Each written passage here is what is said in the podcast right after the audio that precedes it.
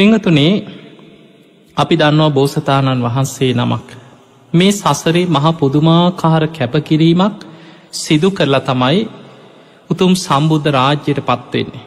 සම්බුද්ධත්වය අරමුණු කරගෙන පාරමී පුරාගෙන එකම ඉලක්කයක් තුළ සසරේ බොහෝ කාලයක් අසංකීය ගනම් මේ සංසාරයේ ඒ ඉලක්කෙ තුළ පෙරුම් පුරාගෙන පාරමී පුරාගෙන යනවා කියන්නේ එක අපිට හිතන්නවත් පුළුවන් දෙයක් නෙමේ.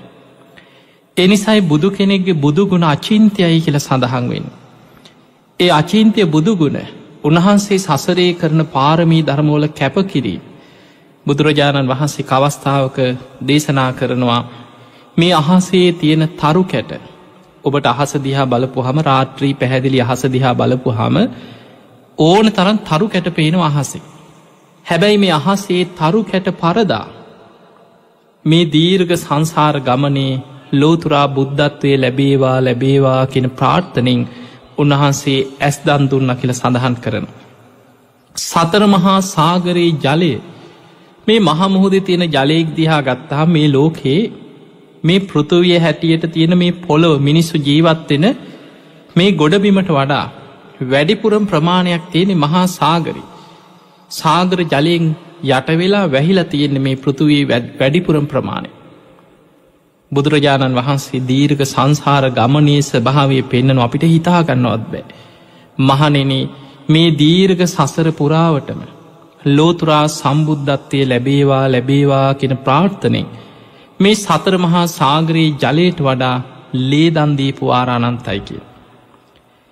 ඊළඟට බුදුරජාණන් වහන්සේ උන්වහන්සේ දේශනා කරනවා උන්වහන්සේ බොහෝ අවස්ථාවල පරමත්ත පාරමිතාපුරනෝ මේ ඇස්සිස් මස්ලේ පමණක් නෙමෙයි පරමත්ත පාරමිතාව කියන්නේ ජීවිත පූජාවන් කරනවා. බුදුරජාණන් වහන්සේ එක අවස්ථාවක දේශනා කරනවා උන්වහන්සේ ඔටුනු පැළඳි හිස මේ හිස දන්දීපු වාර අනන්තයි කියෙනවා ලෝතුරා සම්බුද්ධත්වය ලැබේවා ලැබේවා කියෙන ප්‍රාර්ථනෙන් හිස දන්දුන්න කියෙන්. උන්වහන්සේ විස්සන්තර ආත්මි පවා සඳහන් වෙනවා පුංචි වයසෙදී. බද්ධ පරියන්කෙන් වාඩි වෙලා මාලිගාවි තමන්ගේ නිදාගන්න යහනාවේ බද්ධ පරියන්කේ වැඩ සිටිමින් ආධ්‍යාත්මික දානයක් දෙනවා. මේ සසර පුරා පුරණ ලද පාරමී ධර්ම සිහිකර කර උන්වහන්සේ ප්‍රාත්ථනා කරනවා පුංචි බෝසතාණන් වහන්සේ ඒ වෙනකොට ලොකු තරුණ වයසක් නෑ මේ වෙස්සන්තර කුමාරය. නිතර නිතර සිහික නො සිය දහස්වාරයේ බැගින් හිතනවා. යම් කිසි කෙනෙක් මගේ ඇස්සිල්ලගෙන එනවනං ලොවතුරා බුදු බව පතාමං ඇස් දන් දෙනවා. යම් කිසි කෙනෙක් මගේ ලේ ඉල්ලගෙන පැමිණෙත්නම් ලෝතුරා බුදු බව පතාමන් ලේ දන් දෙනවා. යම් කිසි කෙනෙක් මගේ ශරීර මාන්සයක් ඉල්ලගෙන පැමිණෙත්නම් මම ලෝතුරා බුදු බව පතා ශරීර මාන්සේ දන් දෙනවා. යම් කිසි කෙනෙක් මගේ ජීවිතය ඉල්ලගෙන පැමිණෙත්නම් මම ලෝතුරා බුදු බව පතා ජීවිතය වනත් දන් දෙනවා.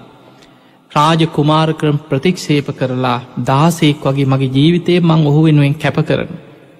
මේ විදිහට සිය දහස්වර බද්ධ පරියන්කෙන් වාඩි වෙලා හිතාගෙන හිතාගෙන හිතාගෙන යනකොට මහපොළොව ගිගුරුම් දෙමින් කම්පාවනා කියන. ඔබහන්සේට ඔයි හිතන දේ කරන්න පුළුවනී කියලා සාක්ෂි වසයෙන් මේ මහපොළොව ගිගුරුම් දෙමින් කම්පාවෙන. එතකොට අපිට පේනවා බෝසතාණන් වහන්සේලා මේ දීර්ඝ සංසාර ගමනේ මොන තරං කැපකිරීමක් කරගෙනද සම්බුද්ධත්ව ඉලක්ක කරගෙන මේ සංසාර ගමනෙන්නේ. හැබැයි පිංහතුනේ ඒ එන ගමනේ ඒ තරන් දන්දීල දන්දීල උන්වහන්සේගේ දාන පාරමිතාව ගැන ගත්තාම හිතාගන්නවත් බෑ. උන්වහන්සේ මොන තරන් දන්දීල තියෙනවද. මේ මහපොලොවට වඩා උන්වහන්සේ පෙන්නනවා එක තැනක අහස උසට උන්වහන්සේ යම් කිසිකෙන අපි කතාවට කෙන මේ අහස උසට දානි කන්දක් හදල දන් දෙනවා. ඒ වගේ දුගී මගේ යාචකයන්ට දන්දීපු ප්‍රමාණය මේ අහස උසට දානෙ කන්දවල් ගොඩ ගැහුවත් ඊට වඩා සසරි දන්දීලා තියෙනවා කිය. එතකොට මේ වගේ සසරි දන්දීල දන්දීල දන්දීලා දාන පාරමිතාව පුරා ගත්තා. බාහිර දේවල් හැටියට ඉඩකඩං ගෙවල් දොරවල් අස්වරත අස්වයන් ඊළඟට ගව මහේෂාකි නො ඒක් දේවල් ඒ කාලි දන් දෙන්න පුළුවන් හැම දෙයක්ම. බාහිර දේව තමන්ගේ රාජ්‍ය පවා අතහැර හැර බාහිර වස්තු දන්දුන්. ඒ විතරක් නෙමේ තමන්ගේ ශරීර කොටස් ඇස් ඉස් මස් ලේ ශරීර අවයාව දන්දිදී උපපාරමිතාපුරන. එකත් පාරමී අතර ශරීර අවයාව දන්දීම උපපාරමිතාව. ඊළඟට පරමත්ත පාරමිතාව කියන ජීවිතය පූජා කරන දානයක් වෙනුවෙන් තමන්ගේ ජීවිතය පූජා කරන. එක මේ වගේ හරි ලස්සන කතාවක් තිෙන කදිරංගාරකින ජාතකි. එදා අපේ බෝසතාණන් වහන්සේ කදිරංගාර නමින් බුද්ධ ශූර්ණය කාලයක්. එදා බොහෝම දනවස් සිටුවරයෙක් වෙලා හිටිය. ඒ වෙනකොට බුද්ධ ශූර්ණය බුද්ධ ශූර්ණයය කැන බුදු කෙනෙක් ලෝකෙ පහළ වෙලාන්නේ. පිම් පව් කුසල් ලකුසල් හොඳ නරක කර්ම කරම් පල මේ පන්සිල් අටසිල් ඕවා ගැන ලෝක මිනිස්සු දන්නේ. හැබැයි පෙර පින් ඇති බෝධි සත්තුර ඉන්න. ඒ පින් ඇති බෝධි සත්තුරු අර සසර පුරුද්ධට තමන් හම්බ කරගත ධනය දන් දෙනවා. දැම් පිංහතුනි අද වනත් ගත්ත හම මේ බෞද්ධ විතරක් නෙමේ දන් දෙන්න. මේ කර්ම කරම්පල ලෞකික සම්මාධිට්්‍යය පින් පව් මේ මොනවත් නොදන්න බටහිර ලෝකෙ බොහෝ පිරිස ඒ ඒ රටවල්ලොල ඉන්න මිනිස්සු. ඔවුන් නොෙක් චැරිටි සංවිධාන පිහිටවාගෙන ඔවුන් කැන අපි නොයෙක් චැරිටි සර්විස් කරනවා. එක්කෝ අපි මේ වගේ දුප්ප රටවල්ලෝට අපි ඩොනේෂන් කරන. එතකොට මේ කරන්නේ දන් දෙන එක. එක්කෝ පිළිකාරෝගීන් වෙනුවෙන් වකුගත් රෝගීන් වෙනුවෙන් ඔය අප්‍රිකාන් රටවල් ොල ඉන්න දුක්විදින ජනතාව වෙනුවෙන් තමන් හම්බ කරගත ධනයෙන් කොටසක් වෙන් කරලා මිනිස්සුන්ට උද උපාකාර කරන මිනිස්සු ලෝක අද ඕන තරඟන්නවා. එතකොට ඒ වගේ එදා කදිරංගාර නමින් හිටපු මේ සිටුවරයා තමන්ගේ සිටු නිවස ඉදිරියේ දන්සැල් පිහිටවාගෙන දන් දෙනවා. විශාල දංවැටක් පවත්වන හැමදාම අඩබෙර ගහ හැම තැනම දුගී මගේ යාචකයන්ට අඩ බෙරගහනු. දහස් ගානකට උයලා මේ දන්සැල දුගී මගේ යාචක මිනිස්සු හැමදාම පිරිලා කන්න නැති අසරන මිනිස්සු ගෙවල්ල කන්න තිබත් ඔබ දැකල ඇතිව දන්සැල් කාල්ට නිකන් දෙනවක යොත් මේ කන්න නැති මිනිස්සු තරන්නෙමනි කන්න තිබ්බත් හිතනවා අද උයන්න ඕන්නෑ යමල්ල දන්සැලට. එදකොට ඒ වගේ විශාල පිරිසක් මේ සිටුවරයාගේ දන්සැලෙන් දවස ගාන ඉතින් කකා බිබිය යන හැබැයි පින් පව් දන්න නැති කාලය. ඒ ඒ කෑව බීව කියලා පින්දීල යන්නෙත් නැමකද පින ගැන දන්න සමාරු කාලබීලා සිටුවරයට බැල්ලත් යන ඇති කෑමරහණය කියලා. එතකොට මෙහෙම බොහෝ කාලයක් දන් දුන්නා. මෙහෙම දන්දීගෙන දන්දීගෙන යනකොට ඒ කාලෙ පසේ බුදුරු තමයි ලෝකෙ වැඩ හිටිය. හිමාල කඳුමුදුනේ වැඩ හිටියා පසේ බුදුරජාණන් වහන්සේ නම. මේ හිමාලි වැඩහිටිය පසේ බුදුරජාණන් වහන්සේ දින හතක් නිරෝධ සමාපත්තියෙන් වැඩඉඳලා උන්වහන්සේ සමාපත්තියෙන් නැකිටලා බැලුවා දානයක් දෙන්න සුදුසු කෙනෙක් දානයක් දෙන්න පුළුවන් පින් ඇති කෙනෙක් මේ වෙනකොට මනුලොව ඉන්නවත් මොකද ඒ කාල මිනිස්සු දන් දෙන්න නෑ පින්ඩ පාති ගියත් පින් පව් විශ්වාසයක් නැති සමාජි. පින්ඩ පාත ගියත් දානයක් දෙන්න කෙනෙක් හොයාගන්න නෑ ඒ නිසා මේ පසේ බුදුරජාණන් වහන්සේ බැලුවා දානයක් පිළිගන්න සුදුසු පින් ඇති කෙනෙක් ඉන්නවාද. කදිරංගාර බෝසතාණන් වහන්සේව දැක්ක. මොකද දින හතක් නිරෝධ සමාපත්තියෙන් වැඩහිටියක් කියන්නේ. එදා දවසේ දානයක් නොලැබුණොත් පිරිනිවන් පාන සිද්ධ වෙනවා. ඒ නිසා උන්වහන්සේ පාත්තරි අරගෙන අහසිම්ම මේ කදිරංගාර බෝසතාණන් වහන්සේ මේ සිටුවරයන් වහන්සේගේ සිටු නිවස ඉදිරියට වැඩම කරලා නිවස ඉදිරිය වැඩ හිටිය. එදාර දන්සැලට ගිහිල්ල දුගී මගේ යාචකයන්ට දම් බෙදල බෙදල මිනිස්සුන්ගෙනුත් බැනුම් අහගෙන ඒත් හිත හදාවනනී කමක් නෑ මන් දන්දීලා කමක් නෑ මට පින තියෙනවාට කියලද හිත හදාගෙන ඇවිල්ල ඉන්නවා. එහෙම ඉන්නකොට සිතුවිල්ලක් ඇති වුණා මං මෙපමණ කාලයක් දුගී මගේ යාචකයන්ට දන්දුන්න ජීවිත කාලි මොන තරන් දංවැටවල් පැවැත්වුවද. අනේ මගේ දානේ මහත් පල මහානිසංස කරගන්න පින් ඇති කෙනෙක් මට ලැබුන් නෑනය කියලා හිත හිතායින්න. ඔහොම ඉන්නකොට සේවකෙක් දුවගෙන දුවගෙන ඇවිල්ලා කිව සිටුවරේ සිටුවරේ අන්න ඔබ හැමදාම කියකේ හිටියා ඔබට දානයක් මහත්ඵල මහානිසංස කරගන්න පින් ඇති කෙනෙක් සිල්වතෙක් ගුණවතේ කාරයන් වහන්සේ නමක් ලැබුන් නෑ කියලා. අන්න අදනන් ලැබිලා පාත්තරයක් අරගෙන අහසීම වැඩම කළ ඔබේ මිදුල ඉදිරියේ වැඩඉන්නවාකි වාරයන් වහන්සේ නම. සාධු කාරදීල පුද්දුම සතුටෙන් දානෙ භාජනයක් ඉක්මනට දානෙ බෙදල අතට ගත්තා. අතට අරගෙන පුද්දුම සතුටෙන් අර තමන්ගේ නිවසෙන් ඉදිරියට එනකොට මිදුල කෙලවරේ ඉන්නවා පසේ බුදුරජාණන් වහන්සේ පාත්තරය අරගෙන වැඩඉන්න. බොහෝ පිරිසත් දන්සැලට අප මිනිස්සුත් බලාගෙනන්න.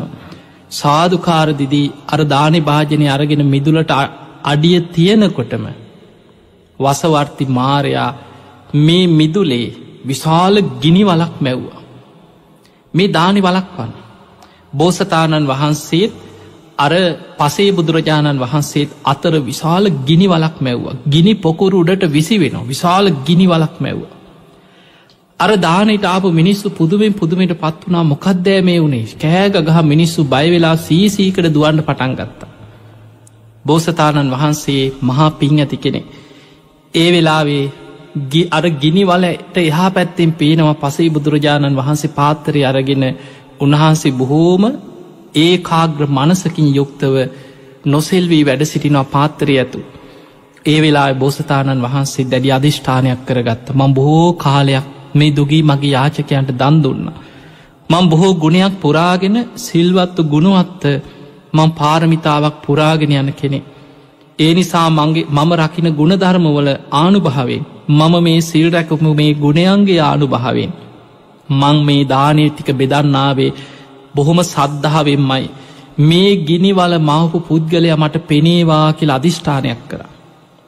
ඒ වෙලාවේ වසවර්ති මාරය අහසි පෙනී සිටියා. බෝසතාණන් වහන්සේ ඇහුවා ඔබ කවුද මං වසවර්ති මාරයකිව. මාරය ඔබ දැහුව මේ ගිනිවල මැව්වේ ඔවු මමයිකිව මේ ගිනිවල මැව්වේ. ඇයි හෝ මේ ගිනි වලක් මෙතන මැව්වේ. දානී වලක් වන්නයිකව ගිනි වල මැව්වේ.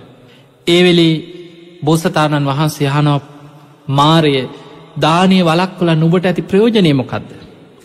ඒ වෙලා මේ පාපි මාරයක් කියනවා ඔය ආරයන් වහන්සේ දිනහතක් සමාපත්තියට වැඩඉඳල නිරාහාරවයින්නේ. අද දානේ වැලැක්වුවොත් උන්වහන්සේට පිරිනිවන් පාන සිද්ධ වෙන. පිරිනිවන් පාවන්නයි කීවා මම ඔය දානය වලක්වන්න ගිනිවල මැව්වේ. ඒ වෙලාවෙ පුදුමාකාර අධිෂ්ඨානයක් ජීවිතයේ දානය උදෙසා පූජා කරන අධිෂ්ඨානයක් බෝසතාණන් වහන්සේගේ හිතේ ඇති වුණ. අර දානි භාජනය අතේ තියාගෙන සත්‍යයක් ක්‍රියාවක් කර මම සසරී දන්දීපු කෙනෙක් ලෝතුරා බුද්ධත්තේ ප්‍රාර්ථනා කරගෙනයි මං මේ දන් දෙමින් පින්කරගෙන පින්කරගෙන යන්නේ. මම මේ ගින්නට පනිනවා. මගේ ශරීරය උඩුකුරු වෙන්න පුළුවන් යටිකුරු වෙන්න පුළුවන් මෙතනම දැවිල පිලිස්සිලා මං මේ යන්න පුළුවන්. ඊට පෙර මේ ගිනිවලෙන් මගේ ශරීරයේ දැවෙද්දි හෝ මට මේ ආරයන් වහන්සේගේ පාත්‍රයට දානි හැන්දක් හෝ බෙදාගන්න ලැබේවා ඒ පිනෙන් මට මතු ලෝතුරා බුද්ධ රාජ්‍යම ලැබේවාකින් අධිෂ්ඨානයෙන් දානිභාජනය අරගෙන බෝසතාණන් වහන්සේ පැන් අර ගිනිවලට. බලන්න සසරේ මොනතරන්නම් දානයක් උදෙසා ඒකට තමයි කැන පරමත්ත පාරමිතා ජීවිත පූජාව කියලා දානයක් උදෙසා. පෙංගතුනේ සසරි දන්දීල දන්දීල පුදුමාකාර විදිහට දාන පාරමිතාව පුරාගත්ත මේ මහා බෝසතාණන් වහන්සේ. සීල පාරමිතාව නයිස්ක්‍රම්ය ප්‍රඥා වීරිය කන්ති සච්ච අධිට්ඨාන මෛත්‍රී උපෙක්කා මේ දස පාරමී පුරාගෙන ඉන්න බෝසතාණන් වහන්සේගේ පුුණ්‍ය ශක්තිය නිසාම බුදුවෙන ආත්මේ පුංචි සිරිපතුල් පොළොවෙ තබන්න පෙරම පොළොවෙන් නෙළුම් මල් පහළවෙන්න තරම් පින් ඇති මහා බෝසතාණන් වහන්සේ එදා ගිනිවලට පනින වෙලාවේ අර ගිනිවල ඇතුළෙන් කරත්ත රෝධයක් තරං විශාල රිය සකක් තරං විශාල නෙළුම් මලක් පහළ වුණ. ගිනිවල ඇතුළෙන් පැනනැක්ග විශාල නෙළුම් මල උඩටයි උන්වහන්සේ අර ගිනි ගොඩට නෙමේ වැටුනේ ගින්නට පැන්නත් නෙළුම් මල උඩටයි උන්වහස වැටුන්. ඒ වෙලාවේ උන්වහන්සේවත් රැගෙන අර මල ගින්නෙන් උඩට පැනනැග්ග. ඒ මල මතම වැඩ සිටිමින් සාධකාර දෙමින් පසේ බුදුරජාණන් වහන්සේට දානයේ පූජා කර. දානයේ පූජා කළ ප්‍රාර්ථනා කරා මම මේ ගිනිකොඩට පැන්නේ මගේ ජීවිත ආසාවත් හැරලා. මට මේ දානයේ ටිකක් මේ ආරයන් වහන්සගේ පාත්‍රයට බෙදන්න ලැබේවා මේ පිනෙන් මට මතු ලෝතුරා බුද්ධ රාජ්‍යම ලැබේවාකි අධිෂ්ඨානය. මං ජීවිත පරිත්‍යයාගෙන් දන් දුන්නම් මේ පිනෙන් මට අසංකේය ගණන් සත්‍යයක් සංසාරදුකින් එතර කරවන්න ලෝතුරා සම්බුද්ධ රාජ්‍යම ලැබේවා කියල ප්‍රාර්ථනා කරද්දි මහපොළොවත්ගිකුරුම් දෙමින් කම්පාවනා කියන. පිංහතුන ඔය විදිහට සසරී ජීවිත පූජා කරමින් පාරමී පුරාගෙනාපු වාර අනන්තයි කියන. දැම් මේ වගේ සිදුවීන් කීපයක් ඔබට මේ උන්වහන්සේ පාරමීපුරපු කාලේ මේක කතාවක් දෙකක් පුංචි තැනක් අපි මේ කතා කරන්න. සාරා සංකීය කල්ප ලක්ෂයක් විවරණ ගත්ත තැන ඉදන් දසපාරමී විතරක් පිරුව කියන. ඔබ නිකං ගාන හදලා හිතන් කොච්චරද්ද කියලා.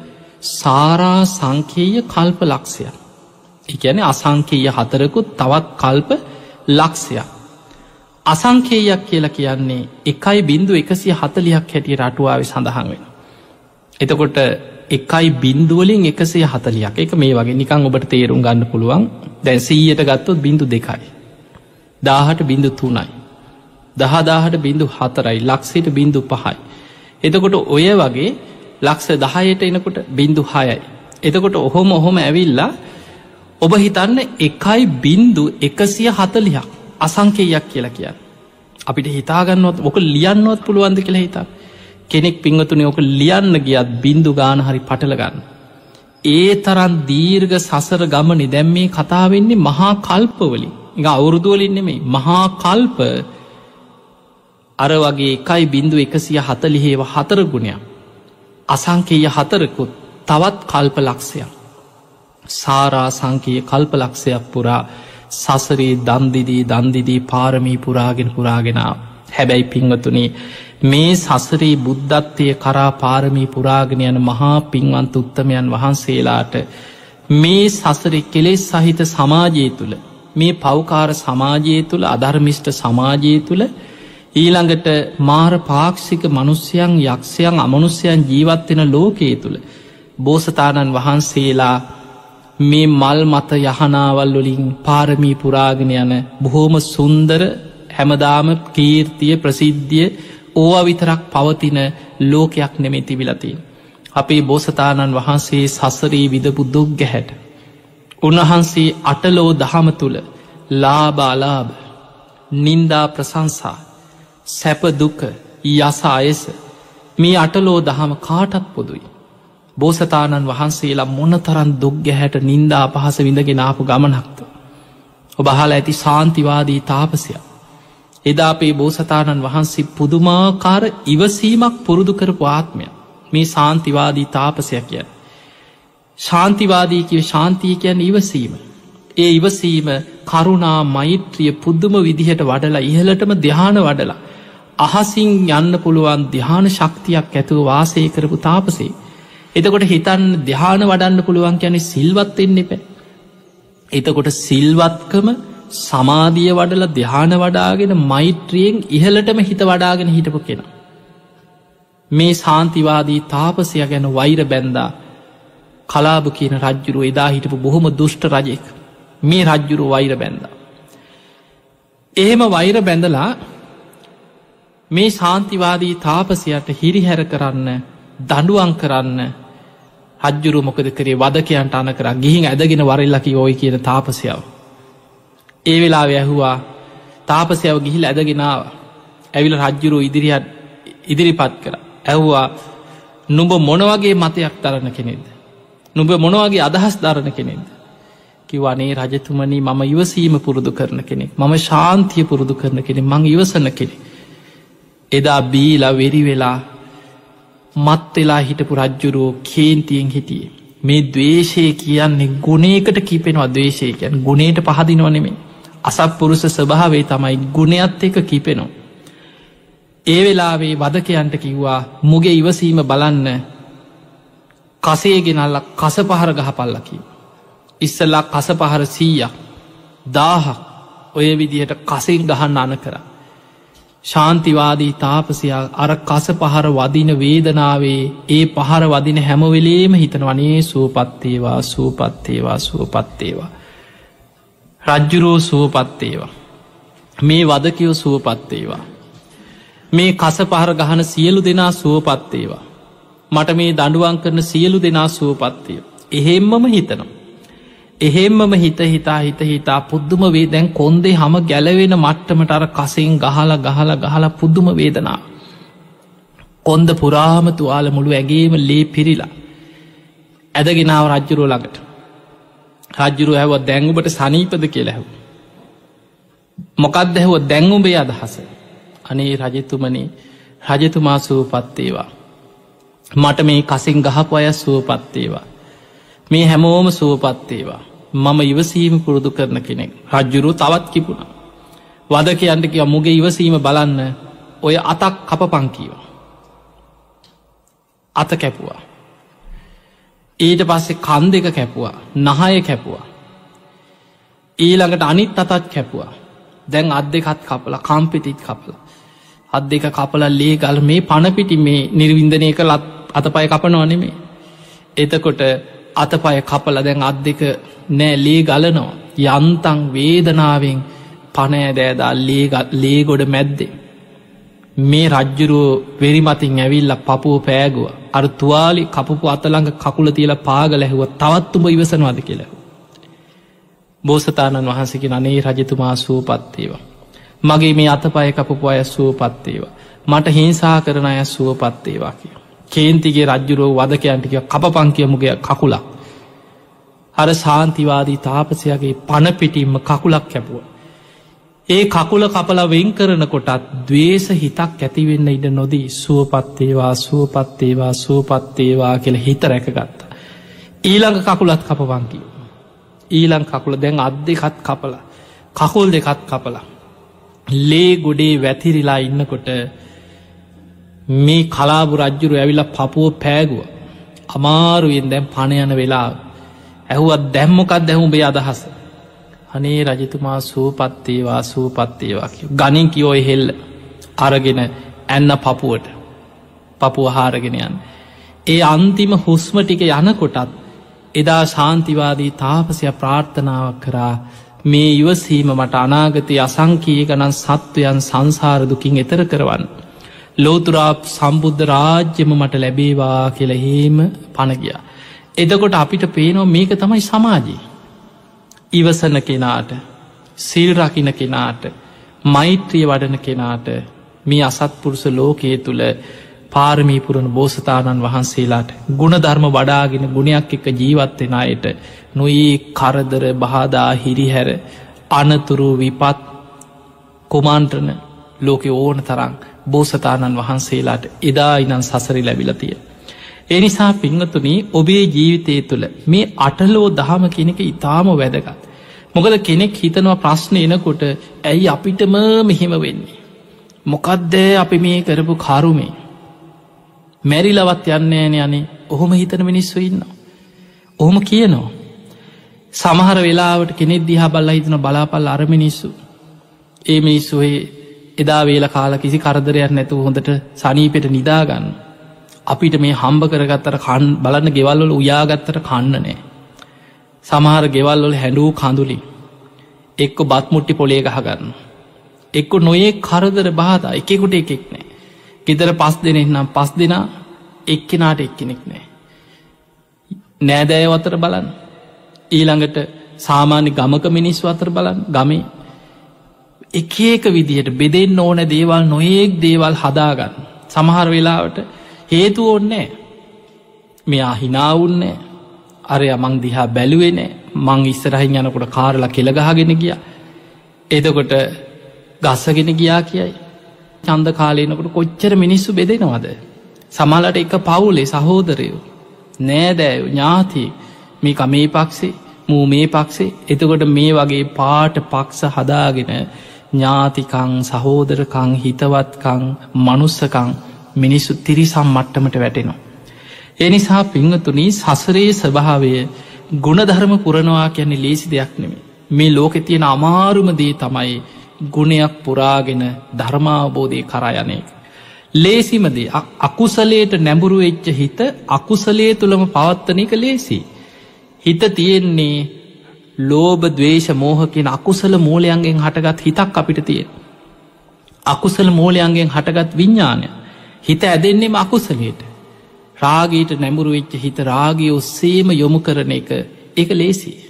හිත දුවන්නේ මේ පැත්තට. දවේශයට නැඹුරු වෙච්ච හිත දවේශය ඔස්සේ බලන් සමහරුන්ට කන්න පොන්න ඕනෙත්නෑ. ඔහේ හේතුත් නෑ. වැස්සටත් බහිනවා පෑව්වටත් බහිනවා සීතරටත් බනිනවා කකුල ගලක හැප්පුනත් ගලටත් බනිනවා මහපොලෝටත් බනිනවා වැස්සත් බහිනවා හුළඟටත් බනිනවා. හැම දේකටම. එතකොට හැම වෙලායම දවේශයෙන් වෛරයෙන් කේන්තියෙන් සමහර වෙලාවට උදේ නර ෑ වෙනකන් දේශ පාලාඥයන්ට බයිනවා ගම මිනිස්සුන්ට බයිනවා. මේ වගේ දවේශයෙන් වෛරෙන් ජීවත්වෙන කෙනෙකුට ඒ දවේශය කියන්නේ සමහරුන්ට ආහාරයක්. බුදු හාන්දුරු පෙන්වත් දවේශයා අනුභව කරන යක්කු පවයින්න දේශනාවල තියෙනවා. සමහරුන්ට කන්න බොන්න ඕනෙත් නෑ. කේන්තියක් හිතට ආවට පස්සේ ආය කෑවද බීවද මතකත්න ඒ ඔස්සේම හිත පවත්ත ඊළඟට මෝහේ මුලාව අවිද්‍යාව මෙන්න මේ තුළ පිහිටපු හිතක් ඒ අකුසලේටම යනවා කියන්න. ඒකයි සමහරු කියන්නේ කෙලෙස් තියෙන්නේ විඳින්න. ඒ නිසා ඉන්නකං කාලබීලා කෙලෙස් නැත්නම් කිසිම වැඩක් නෑ කිසි සතුටක් නෑ කියන. කෙලෙස් නිසා තමයි කියෙන ජීවිතයේ සතුට තියෙන්. ඒනි සපි ඕන තරම් කාලබීලා විනෝද වෙලා උොඳට කාලවීලා විනෝද වෙලා කරන්න ඕනෑ වැරදි වැඩ ජඩකම් පව්කම් ඔක්කොම කරලා මැරිලා ඇන මැරල මොකෙක් වුණහම්මොකද ඔහොම කියන මිනිස්සු කොච්චරනං ඉන්නවත මේ සමාජ. ඒ නිසා පිංගතුනි එවැනි සමාජක අපි මේ ඉන්නේ. වැඩිපුරම හිත පුරුදු වෙලා තියෙන්නේ කුසලට නෙමේ අකුසලට. ඒ නිසා එවැනි සමාජයක් තුළ කෙනෙක් සිල් රකිනවා කියන්නේ සමහරලාවට අර සමාජිම ඉන්න මිනිස්සු සිල්වතාට ගරහන. ඇයි තමන්ට සිල් රැකගන්න බෑ. සිල්ලතාට ගරහන්න කෙනෙ බණ භාවනා කරන ඔබහොඳට බලන්න භාවනා කරන කෙනාට හින් පාස් කරන්න නින්දා කරන්න ගරහන්න විහිළු තාලු කරන්න කී දෙනෙ බලාගෙන ඉන්නවද කිය. ඔබ හොඳට බුදුන් අදිනවන. ඔබ හොඳට බණපොත් කියෝනවන. ඔබ පෝයිට සිල්ගන්න පන්සලට යනවන. ඔබ බෝධි පූජාවත්තිය නොනන් චෛත්‍ය වන්දනා කරනවා ඔබ හොඳට බණ භාවනා කරමින් ගෙදර භාවනා කරමින් කාටවත් හිරිහැරයක් නැතුව ජීවත්වෙනවා නම් ඒකට උදව් කරන සත්පුරුසය ඉන්නවා. සත්පුරුසය තමයි කල්්‍යයාන මිට්‍ර තමයි අනේ සාදු කොච්චර දෙයක්ද කියලා උදව් කර. වැඩිපුරම සමාජයන අසත්පුරුසයෝ. ඒ අසත්පුරුස සමාජයේ වරදිනකම් බලාගෙන. අපි ගමු ඒ භාවනා කරන කෙනෙකුට හදිසිීමක් හරි ප්‍රශ්මී සුවාන් වෙලා මාර්ග පල්ල බලනමින් අනාගාමි විච්ච කෙනාට තමයි කේන්ති යන ස්භාවි නැතිවේ. අරමුණු එක්ක ගැටෙන ස්භාවේ කාමරාග පටිග නැතිවෙන අනාගාමි විච්ච කෙනාට. සෝවාන් කෙනාටත් ගැටීම් ඇති වෙන. එදකොට යම් කිසි කෙනෙක් අප හිතු මෙහෙම හොඳට භාවනා කරන හොඳට සිල් රකින ගුණධර්ම පුරාගෙන ඉන්න කෙනෙකුට අපි හිතම කේන්තිගිය කේන්ති ගිහිලා තරහින් කාටහරි බැන්න අන්න අල්ල ගන්න ඕ මේකගේ මහලොකු භාවනාව පෝයට සිල්ගන්නමයි මූ පන්සලේමයි ඉන්නේ ඕම් පේනවනේද ඔය අපි කිව්වේ අන්න ඒ විදිහට කෙනෙක් වරදිනකම් බලාගෙන ඉන්නේ අර භාවනා කරන කෙනාට සිල් රකින කෙනාට ගුණධර්ම රකින කෙනාට ඒ ධර්මය හැසිරෙන කෙනාට ධර්මය තුළින් තියලා පහත් කරන්න ගරහන්. ඒක තමයි සමාජිස භාව. මතකතියාගන්න අපි මේ ජීවත්වෙන්නේ මිනිස්සුන්ගේ ආවි සවුරුදු සීයෙන් පහලට පිරිහිච්ච තිරිසංගත ලෝකික ජීවත්තේ. දීර් ගාවිශ ඇති කාලවල මනුස්සලෝක බොහෝ ගුණධර්ම පිරිච්ච කාල තිබිලතිය. දීර් ගාවිශ ඇති කාලවල මිනිස්සු බොහෝ අකුසල් වලින් දුරුවෙච්ච බොහෝ ගුණධර්ම ඇති බොහෝ පින් ඇති මිනිස්සු ලෝක ජීවත් වෙලා තියෙන ඒව බුද්ධ දේශනාවල සඳහන් වෙනවා. මිනිස්සුන්ගේ ආවිෂ පිරිහෙන්නේ අකුසල් බලවත්වෙන්න බලවත්වෙන්න ආවිෂ පිරිහෙන. මිනිස්සු පෞකාර සිතුවිලිවලින් අකුසල් වලින් පාපී ජීවිතවලට යොමුවෙන්න යොමුවෙන්න ආවිෂෙන් පිරිහෙන. එහෙම ආවිෂ පිරිහිලා පිරිහිලා අවුරුදු සීය මට්ටමට පත්වෙනකොට බුදුරජාණන් වහස දේශනා කරන මහනෙනේ මේ මනුස්්‍යයන්ගේ හිත්වල ඇතිවෙන්න තියෙන සියලු පාපී අකුසල් මනුස්සලෝක ඇතිවෙලා අවසානයි කියෙන්. අවුරුදු සීය වෙනකොටේ ඔබ හිතන්න දැන් අපි ඉන්න සීයනුත් පල්ලෙහාට පිරිහිලා සාමාන්‍ය ආවි සවුරුදු හැට පහ හැත්තෑව හැත්ත පහ වගේ අතර කාලික. මිනිස්සුන්ගේ ආවි සවුරුදු සීය වෙනකොට සීයෙන් පහලට පිරිහෙනකොට බුදුහාන්දුරුව පෙන තවත් බලවත් අකුසල් තුනක් මනසේ වැඩෙනවා. අධර්මරාගේ විෂම ලෝබය මිත්‍යා ධර්මය. ඒ අකුසල් තුන වැඩෙන්න්න වැඩෙන්න්න මිනිස්සු සත්තුන්ට අන්ත වෙන. අනාගත ලෝකයේ එල්ලුවෝ බල්ලු බලල්ලු තිරිසන්නුන්ට අන්තයි කියන මනුස්යෝ. ඔබ අහල ඇති කුසල් රජතුමා දැකපු සීන දහසයක් ගැන. එක තියෙනවා මහා සුපින ජාතකයේ සඳහන්ගෙන කොසල් රජ්ජුරෝ දැකපු හීන. ඒවට බුදුරජාණන් වහන්සේ සිහින ගැන පෙන්වේ රජතුමනී මේ අද වෙන දෙයක් නෙමේ. රජ්ජුරුව බයවෙන්නේ මේ අමුතුම හීන දකින්න. ඒ හීන දැකලා රජ්ජුරුව හිතනවා මොකක් දෑ මේ දැක්කේ. මොකක් දේ අපිට වෙන්නේ. අනේ මට විපතක්ද මගේ රාජ්‍යයට විමතක්ද මගේ රටවැසියන්ට විපතක්ද. පසුවදා උදේම බුදුරජාණන් වහන්සේ මුණ ගැහෙන්න යන. අනේ ස්වාමිනි මං මෙහෙම හීනයක් දැක්ක කිය. බුදුරජාණන් වහසේට කියන ස්වාමීනි මට විපතක්ද මගේ රාජ්‍යයට විපතක්ද මගේ රටවැසියට විපතක් බුදුරජාණන් වහන්සේ වද රජතුමනී මේ ඔබ දකින හීන ඔබටවත් ඔබේ රාජ්‍යයටවත් ඔබේ රටවැසියටවත් සිද්ධ වෙන දෙයක් නෙවේ අනාගත ලෝක මිනිස්සුන්ගේ ආවිශ පිරිහිලා කෙලේ සැවිස්සිලා අනාගතී මිනිස්සු විකෘති වෙන සත්තු වගේ වෙන. අනාගත ලෝකයේ සිද්ධ වෙන දේවල් තමයි ඔබ මේ කල්තියා හීනෙන් දැක්ක කියලා ඒ සිහිනවල අර්ථ බුදුරජාණන් වහන්සේ විස්තර කරන බොහොම ලස්සන දේශනා මහා සුපින ජාතක. ඒ හීන එකින් එක එකින් එක ගත්තහම නිකං මේ දැන් බලාග නීදල මේ අදට කිව්ව වගේ එකින් එක ගලප ගන්න පුළුව. ඒ නිසා පින්වතුනේ අදාපි ජීවත්වෙන්නේ කොසුල් රජරුවන්ගේ සිහින සැබෑවෙන ලෝකෙක. මිනිස්සු හැම පැත්තෙම පිරිහිලා පරිසරය දිහා බල පරිසරය කොච්චර විනාස කරන මිනිස්සුද ඉන්න කියලා. කෑමක් බීමක් ගැන හිතන් සමහර වෙලාවට ඔබ දකින්න ඇති මිනිස්සු එක්කෝ හාල්මැස්සු ටිකට කරෝල ටිකට එක්කෝ ඒවට පෝමලින් දාලා. ඊළඟට පසුගේ දවස්වල මාධ්‍යවල පල වුණා මිනිස්සු ඔය වරකා කෝස් කපල විකුණනකොට ඒවෑ අර එනවත් ටික ටික කාලයක් වෙලාවක් යහම සමාල්ලට උදේ කපල හවස් වෙනකොට ඒවෑ පුල්ලි පුල්ලි වගේ මතු වෙනවා. ඒක වලක්වන්න ටොයිලට් හෝදන ඒවා ගාලයිවෑ. එදකොට මේ වගේ කොච්චර නම්. ලෝකෙ අද රටවල් අතර ගත්තහම වැඩිපුරම ක්‍රමිනාසක විසසහිත දේවල් පරිසරයට මුදාහරින රටක්. අපි වැඩිපුරම කන්න බොන්නේ එලෝලුවක් කෑව කියලා වසකන්නේ. වැඩිපුරම කාලතියෙන වහ එලෝලු කෑවට. ඒ නිසා බලන්න පුදුමාකාර ලෙඩ රෝගවලින් යුක්ත සමාජය. මිනිස්සු කොච්චරනක් කෙහෙල්කනක් ඉදවන්න ගියත් පලතුරු ටික ස්භාවික ඉදෝ පළතුරක් කනවා කෙනෙක ලේසි දෙයක් නෙමේ. ඒකාද කලුනික හොයනවා වගේ වෙලා තියෙන්.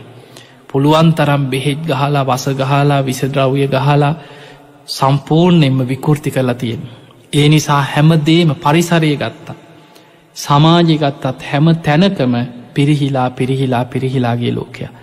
එනිසා පිංගතුනි එවැනි සමාජික ජීවත්වෙනකොට ඔබට නොයෙක් ප්‍රශ්න ඇති. හැබැයි ඔබ හිතන්න අටලෝ දහම ගැන සිහිකරත් බුදුරජාණන් වහන්සේ පෙන්නුවේ ප්‍රශ්නයනවා. පුට්ටස්ස ලෝක දම්මේහි චිත්තං යස්ස නකම්පති අසෝකං විරජංකේම ඒ තම් මංගල මුත්තම පුට්ටස්ස ලෝක දම්මේහි ලෝක ධර්මයක් ඒක ඒ තමයි ලාබාලාභ සැපදුක යස අයස නින්දා ප්‍රසංසමීක අද විතරක් නෙමේ ඔබට විතරක් නෙමේ සාමාන්‍යයෙන් සෝවාන් වෙච්චයි සකදාගාමි අනාගාමි රහතන් වහන්සේලාට පසේ බුදුවරුන්ට බුදුවරුන්ට පවා අටලෝ දහම ඒ ඒ අයගේ ජීවිතවලටත් ඒවා ඒ විදිහටම බලපාන. හැබැයි නික්ලෙස් අය නිකලේසී පුද්ගලයොට හිත දමනය කරලා උතු මරහත්වයට පත්වෙච්ච බුදු පසේ බුදු මහරහත් උතුමන් වහන්සේලා අටලෝ දහමෙන් කම්පාවෙන්නේ අකම්පිතයි. බුදුවරු ගැන ගත්තහම් විශේෂ ගුණයක් තියෙනවා. අටලෝ දහමෙන් නොසැලෙන ගුණේ එකට අපි ධර්මය කියන්නේ තාදී ගුණේ කියලා. උන්වහන්සේලා නොසැලී හිටිය කියලා උන්වහන්සේලාට ප්‍රශ්න නැති වෙලානේ. දැන් ඔබ බුදුරජාණන් වහන්සගේ ජීවිතය දිහා බල පුංචි ප්‍රශ්නති කියල බුදුහාන්දුරන්ට ඇති වුණේ. බුදුරජාණන් වහන්සේට කොච්චරනං ඊරිසියා කරාද. ඒ ඉරිසියා කරේම ශාසනී තුළින්ම මතුවෙන ඉරිසියා කරේ නැද්ද කියල බල. දැන් තමන්ගෙම මස්සිනාවෙච්ච දේවදත්ත පැවිදි වුණා. ඇත්තටම පැවිදි වෙලා දේවදත්ත මුලදි හොඳට සිල් රැක්කා. දේවදත් දුසීලයි කියල කොහෙවත් දේශනාව සඳහන් වෙලානෑ දේවදස මේ වගේ වැරදි වැඩ කර දුසීලකං කර දේවදත්ත මේ වගේ පවකා එහෙම කොහෙවත්නෑ හොඳට සිල් රැක්කා. ඒ වගේම දේවදත්ත කියන්නේ රාජකුමාරයේ. ඒ රාජකුමාරය රජකම අතහැරලා මේ යසෝදරාවගේ සහෝදරය. ඔබ හිතන්න කෙනෙක් රජකම අතහැල්ල අපායන් පැවිදිවේද කියලා. දෙවදත්ත පැවිදිුණේ අපායන්න හිතාගෙන්නෙමේ. කවුරුත් පැවිදිවෙන් මේ රජකම් මේ සැප සම්පත් රාජ්‍ය උරුමේ තියෙද්දි. තමන්ට ගෙහි ජීවිතය ඒ තරන් සැප සම්පත් තියෙද්දි ඒ සියල් අතහැරලා පැවිදි වුණේ අපායන්න නෙමේ. එනිසා පැවිදි වෙලා මුල් කාලෙ හොඳට සිල් රැක්කා ගුණධර්ම පිරුව. භාවනා කරා. ඒ භාවනා කිරීම නිසාම ලෞකික දෙහාන උපදවාගන්න පුළුවන්කම ලැබුණා. එතන ලෞකික දෙහාන කියලා කියන්නේ දෙහාන උපදිනවා සම්මා දිට්ටියෙන් යුක්තව උපදවන දෙහාන තියෙනවා. ඒ දෙහානවලට කියැනෙ සම්මා සමාධිය තුළ උපදවන දෙහාන. ඒ සම්මා දිට්ටියෙන් සම්මා සමාධයට ආවට පස්සේ ඒ සමාධිය තුළ හිත වැඩුවොත් ඒක ධර්මාවබෝධී පැත්තට යොමු කරන්න පුළුවන් සම්මා සමාධියත් එක්ක උපදෝන දේවා. මිච්චා සමාධීනුත් දිහාන උපදවන්න පුළුවන්. දැන් ඔබ දන්න අපේ බුදු හාන්දුර බුදු වෙන්න පෙරණව යාලාර කාලාම උද්ධකරාම පුත්ත ඉහලට හිත වඩපු අයි හිටිය අසිත තාපසයා බුදු හාමුදුරු මනුස්ස ලෝකේදා බෝසතාණන් වහන්සේ බිහි වෙන දවසේ මනෝ මේ ශරීරෙන් දිවිය ලෝකෙට ගියාකෙන දවල් කාලි ගත කරන්න එහෙනම් අපිට පේනවා ඒ කාල ඒ තරම් ඉරදි ඇති හිත වඩලා දෙව්ලොවට යන්න පුළුව එක ඒක භාවනා ක්‍රම ඔස්සේ හිත වඩපු අයි හිටියා එතකොට ඒ වගේ ලෞකික දිහාන උපදවාගෙන ලෞකික ඉරදි උපදවාගත්තා හිට දේවදත්තරත් එවැනි ඉරදියක් තිබ්බකි. එතකොට බලන්න දැන් දේවදත්ත කියපු ගමන් ඔබට හිතෙන අම්මෝ පව්කාරයා කියලා හිතෙන. හැබැයි ඔහු හොඳ සිල්වතෙක් මතකතියාගන්න. ඒ වගේම භාවනා කළ දිහාන උපදවාගත්ත කෙනෙ. ඒ දිහාන උපදවාගත්ත නිසාම තමයි ඒ පෙළහර පාල තමයි අජාසත්ත කුමාරයාව තමන්ගේ වසගිට ගත්තේ. අජාසත්තට හිතුනම් මෙන්න වැඩකාරයා. දේවදත්තත්න වැඩ පුළුවන් මේ වගේ ප්‍රාතිහාර පාන්න පුළුවන්. එතකොට ඒ වගේ අජාසත්ත රැවටුනා ඒ රවට්ට ගත්ත. එතකොට ඒ ප්‍රාතිහාර පෑවේ සම්පූර්ණය ලෞකික ඉරදියක් තුළ. ඊළඟට බුදුරජාණන් වහන්සේටත් වඩා සිල්වත්කමක් සමාජය තුළ පෙන්වයේ පෙන්නන්ම කියන්නේ ඒ විදිහට ඉන්නත් ඕන. බුදුරජාණන් වහන්සේ ආරාම පිළිගත්තා. අනාත පින්ඩික සිටුතුමා හදල පූජා කරපු සත් මහල් සඳුන් කුටියේ වහල හතකී යුක්ත සඳුන් කුටිය බුදුරජාණන් වහන්සේ වැඩ හිටිය. පනස් හතර කෝටියක් වියදං කළ හදපු ජේතවන අරාම බුදුහාන්දුරු භාරගත්ත. බුදුරජාණන් වහන්සේ මේ ජේතවට පුුණ්‍ය භූමී වැඩිම කාලයක් වැඩ හිටිය.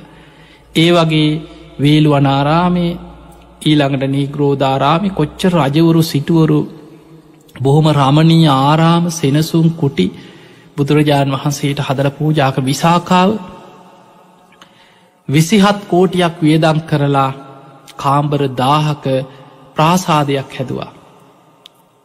ඒ ප්‍රාසාදය තුළ බුදුරජාණන් වහන්සේට ආරාධනා කරපු වෙලාවේ පූර්වාරාමි පූජ කරන දවස බුදුරජාණන් වහන්සේ ඉරදියෙන් හැම කුටියකම බුද්ධාසන මවාගෙන බුදුරුව දාහක් මවාගෙන හැම කුටියකම් බුදු හාමුදුරුව ඉරදිීන් වැඩ හිටිය කියන. එතකොට මේ වගේ බුදුරජාණන් වහන්සේ ආරාමෝල වැඩ හිටිය.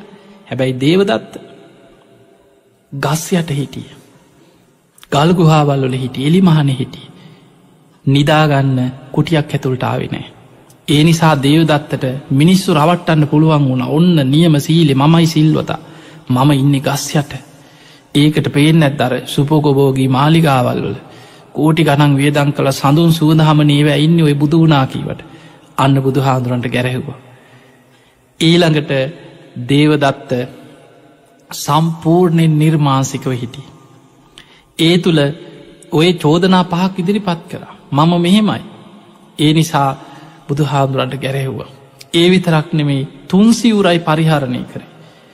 දැම් බලන රජවරු සිටුවරු මොන තරන් සිවුරු පිරිකර දුන්නත් දේවදත්ත නෙමේ තුන් සිවර කියන දෙපට සිවරයි තනිකොට සිවරයි අඳනය. එලිමහන ඉන්න වැස්සේ තෙමේගෙන හරි ඒක වේලෙනකං හරි අමතර සිවරක් පරිහරණය කරන්න නැතුව අර තුන් සිවරෙන්ම දුකසේ ඉන්න.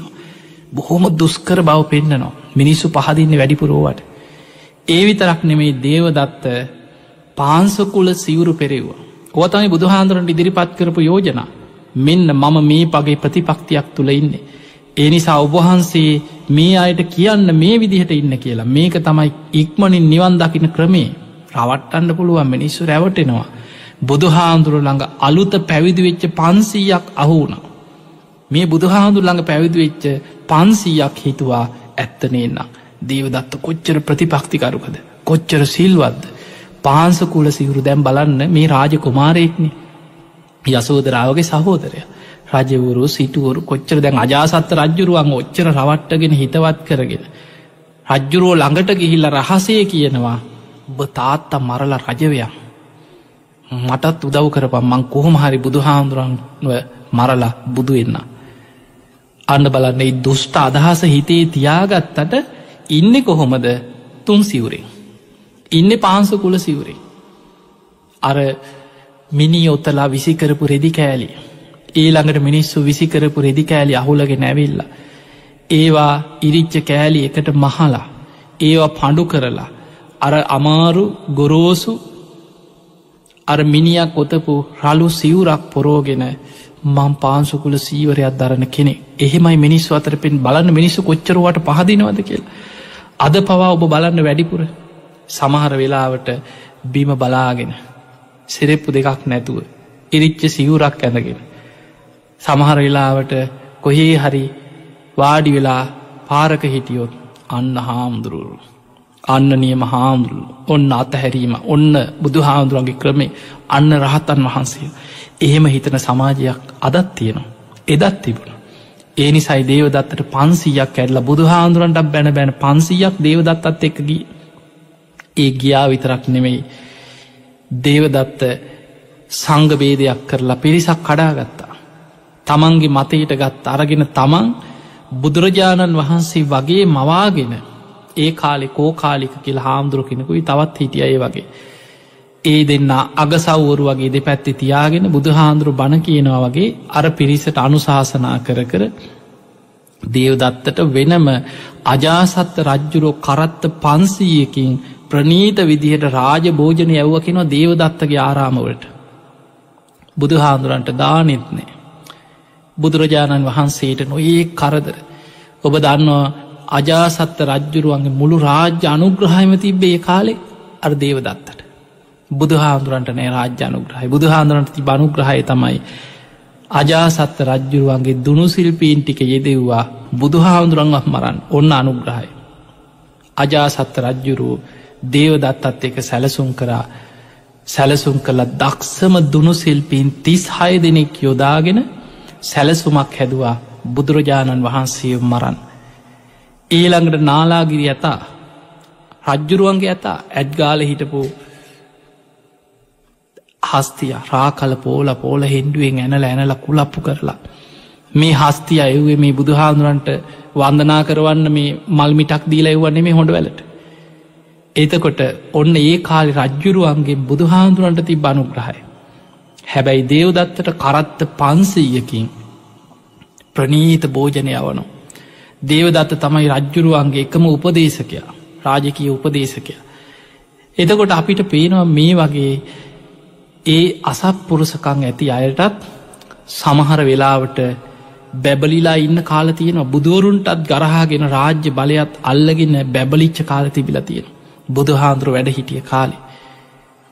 බුදුරජාණන් වහන්සේට වේරංජාය වස් හමාදන් වෙලා ඔබ දන්නවා ඒ වස්මාස තුනේම දානවත් නැති වුණ.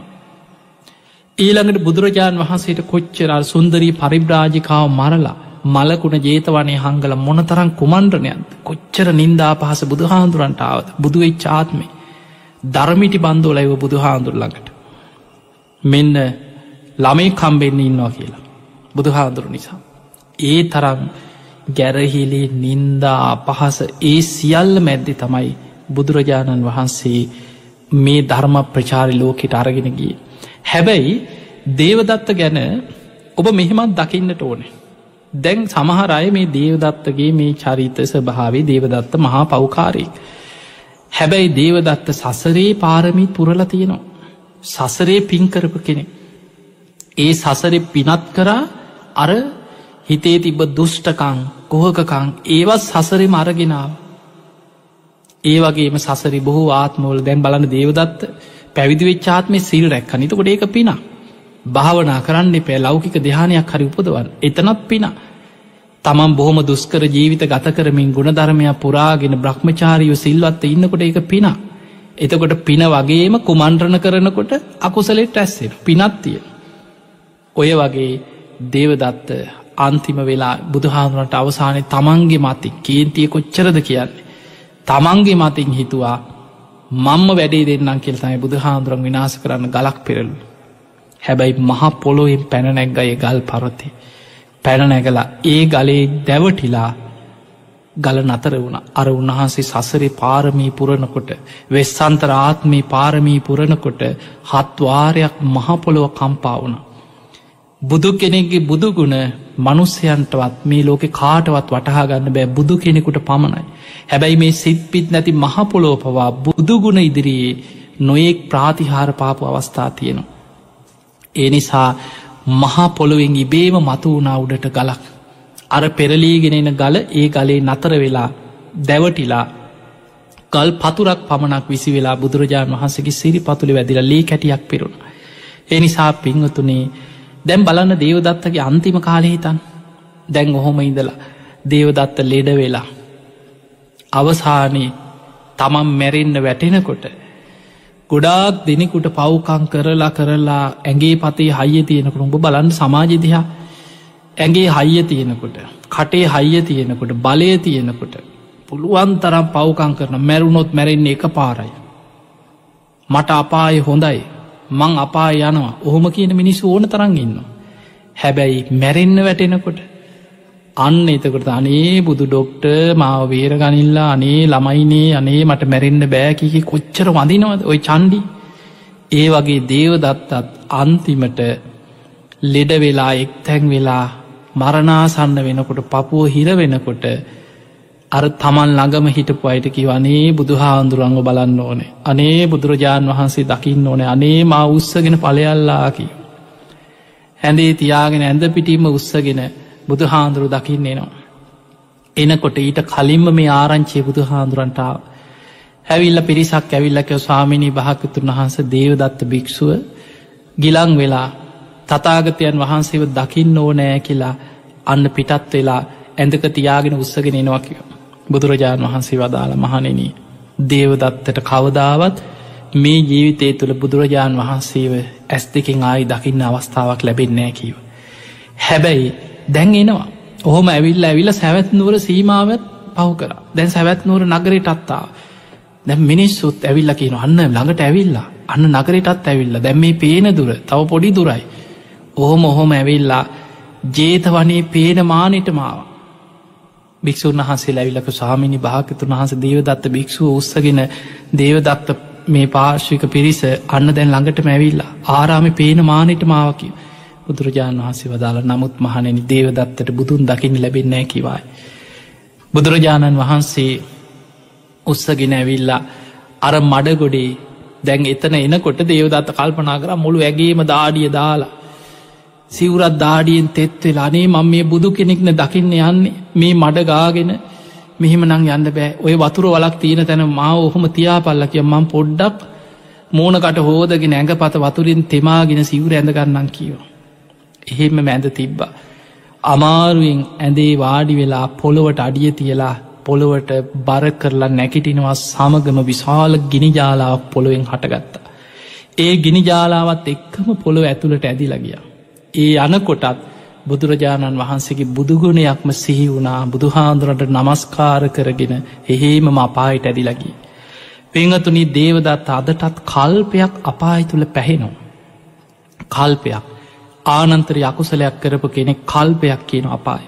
හැබැයි කල්පයක් අපායි පැහිලා මතකතියාගන්න දේවදත්ත සසරයේ කල්ප ගණන් කරපු පින නැතිවෙන්න අපාය ගියා කිය. ආනන්තර යකුසලේ බුදුහාන්දුරන්ට ගල් පෙරලපු ඒවා සංගබේදක ඔක්කොම අපාය ගෙවනවා. ඒ ඔක්කොම ගෙවල අවසන් වෙනකට මේ කර්ම කියන්න විපාකදීල අවසන් වෙනවා. ඒවා අවසන් වෙනකොට අපායින් චුත වෙලා උඩට ඇවිල්ල පසේ බුදු කෙනෙක් හැටියට ඊළඟට පසේ බුද්ධත්වයට පත්වෙලා සසර ගමන අවසන් කරනවා. හැබැයි පිංවතුනේ ඔබ මේක මතක තියාගන්න දේවදත්ත තව කල්පයකට පස්සේ හරි අපායෙන් උඩට ඇවිල්ලා පසේ බුදු වෙනවා කියලා බුදු හාන්දුරන්ගේ දේශනාවක සඳහන් වෙනවා. දේවදත්තට උදේනම් පලු යනකම් බැන බැනයින්න මේ අනිත් අයි දේවදත්තය මෙහෙමයි දේවදත්තය බුදු හාන්දුරන්ට මෙහෙම කරා මෙහෙම කරා කියලා දේවදත්තට බැන බැනඉන්න අනිත් අයට ඔබ සෝවාන්වත් වෙලා නැත්නම්. ඔබට තව කල්ප කීයක් ඉස්සරහට යන්න තියෙයිද. ඔබ තව කී වතාවක් අපායි වැටෙයිද. ඔබට කවදා ගැලවෙන මාර්ගයක් තියේද. ඒ නිසා මේ සසරී පුළුවන් තරම් පින් කරගන්න. අනුන්ට බැනබැන අනුන්ගේ දොස් හොය හොය අනුන්ව වේචනය කර කර සමහර වෙලාවට වැරදිකාරයන්ට දඩුවන් කරන්න ගිහිල්ලා ඔබා කුසල් කරගන්න. බොහෝ වෙලාවට බලන්න සමාජ කෙනෙකුට දනුවමත් දෙනකට හොඳ වැඩි හොඳ වැඩි ෝකට කියලා කොච්චර මිනිස්සු ඒක අනුමෝදං වෙනවා. ඒ තුළ ඔබ බොහෝ වෙලාවට ඔබ දන්නෙම නෑ ඔබ ඒ දවේශයත් වෛරයත් එක්ක ඔබත් ඒක අනුමෝදන් වෙන. තිය නිසා පුළුවන් තරං හිත දයා සීයෙන් දකින්න මෛත්‍රිය පතුරුවන් ගුඩ ධර්ම රැකගන්න අපි ජීවත්වෙනි බොහොම අමාරු කාලෙක ඒ නිසා ජීවිතේ ලාභ වගේම යලාභ ලැබෙනු. සැප සම්පත් වගේමයි දුක ලැබෙනු. ප්‍රසංසා වගේමයි ජීවිතය නින්දා පහස ඕන තරන් ලැබෙනු. ඒ වගේම ලා බලාභ යස අයස නින්දා ප්‍රශංසා සැපදුක මේ හැම දෙයක්ම ජීවිතය ලැබෙන. මේ සියල්ල ඉදිරී අකම්පිතව ඔබ හැම දෙනාටම අසෝකං විරජංකේවන් විරාජමානුව නොසැලී ධර්මීම දියුණු කරගන්න වාසනාව ලැබේවා ලැබේවා ලැබේවා කියල අපි ඔබට ආශිර්වාද කරනවා.